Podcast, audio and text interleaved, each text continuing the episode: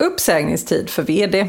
Vad gäller om ingenting finns skrivet? Det pratar vi om i dagens poddavsnitt.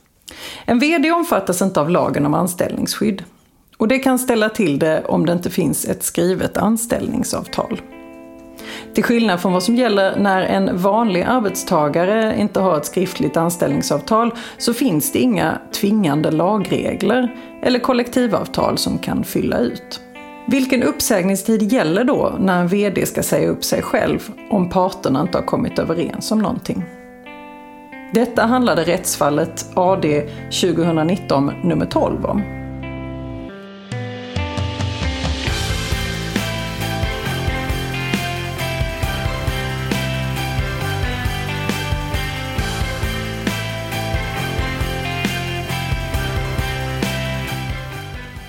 Hej och välkommen till Arbetsrättspodden. Podden för dig som verkar inom HR eller hanterar personalfrågor i din vardag. I den här podden vill vi bjuda på nya infallsvinklar och dela med oss av vår kunskap för dig som arbetar inom HR-området. Jag heter Emelie Svensäter Järntopp och arbetar som advokat inom arbetsrätt här på Vinge. Med mig idag har jag min kollega Freja Nadjafi Kristensen som liksom jag arbetar på vårt Malmökontor. Hej Freja! Hej Emelie! Ja, vad handlade det här rättsfallet om? Ja, detta rättsfallet är ju ett eh, mycket bra rättsfall för det har tydliggjort saker för oss. Eh, och det handlar ju då om vilken uppsägningstid som föreligger för en VD när inget annat har avtalats. Och då var det ett bolag i Malmö som sa upp sin VD. Och när de gjorde detta så angav de att han hade sex månaders eh, uppsägningstid. Och det fanns alltså inget skriftligt anställningsavtal och inga andra överenskommelser så vitt man kunde visa i alla fall? Nej, de hade inget anställningsavtal som angav någon uppsägningstid. Okej, okay, så det var helt blankt? Det var helt blankt och då har vi kunnat se tidigare att Arbetsdomstolen har eh, sagt att om det är så att en arbetsgivare säger upp en arbetstagare, en VD, där det inte finns något skrivet Eh, I avtal om uppsägningstid så har man sagt att arbetsgivaren ska iaktta en uppsägningstid om sex månader.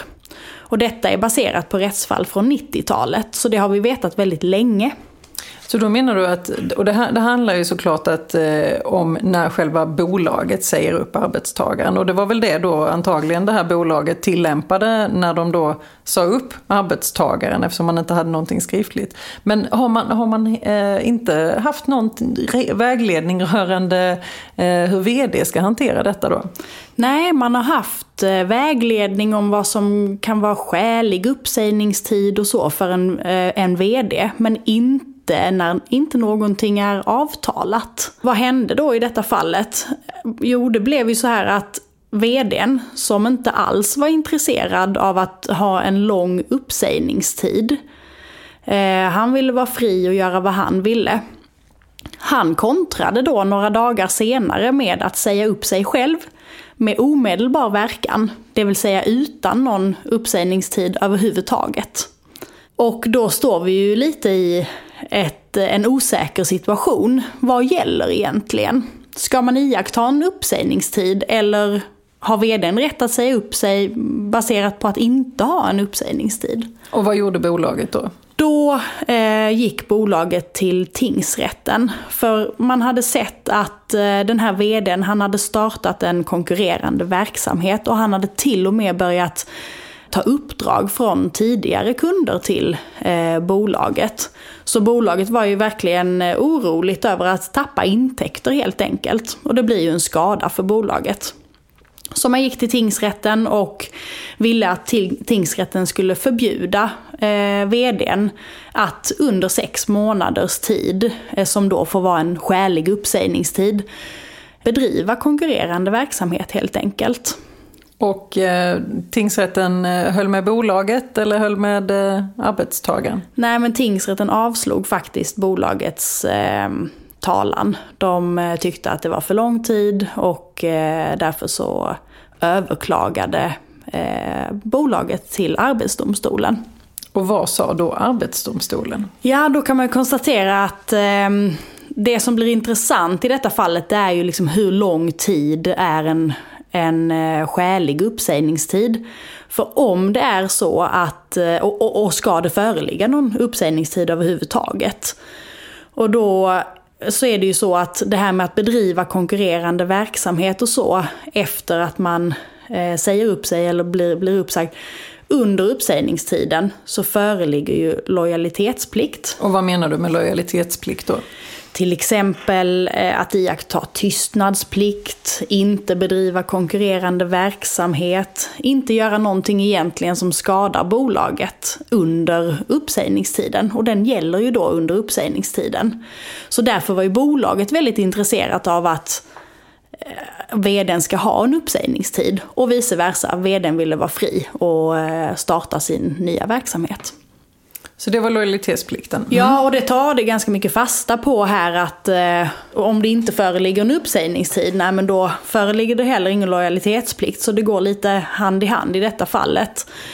Eh, så då får jag Arbetsdomstolen pröva frågan om det är skäligt att en vd överhuvudtaget ska ha en uppsägningstid när han eller hon säger upp sig själv. Och då konstaterar man eh, nu då nästan 30 år senare att det är även så att en VD ska iaktta en skälig uppsägningstid.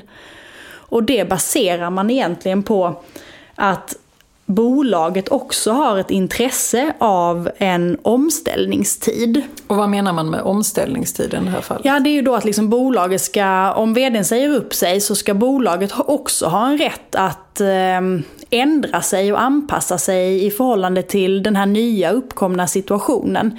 Det kan ju vara så att eh, bolaget vill att vdn ska stanna kvar för att eh, vara tillgänglig för kunskapsöverföring till andra anställda eller man tar in en, en ny person som ska ha rollen. Ja, det pekar de ju på särskilt i det här rättsfallet.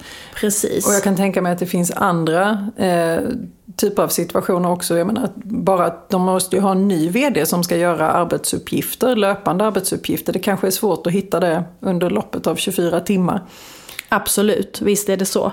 Sen pekar, eh, pekar de ju på den här lojalitetsplikten också, att det är av bolagets intresse att eh, eh vdn ska under en liten period åtminstone eh, iaktta tystnadsplikt och inte bedriva konkurrerande verksamhet och, och liknande eftersom det, det kan skada bolaget.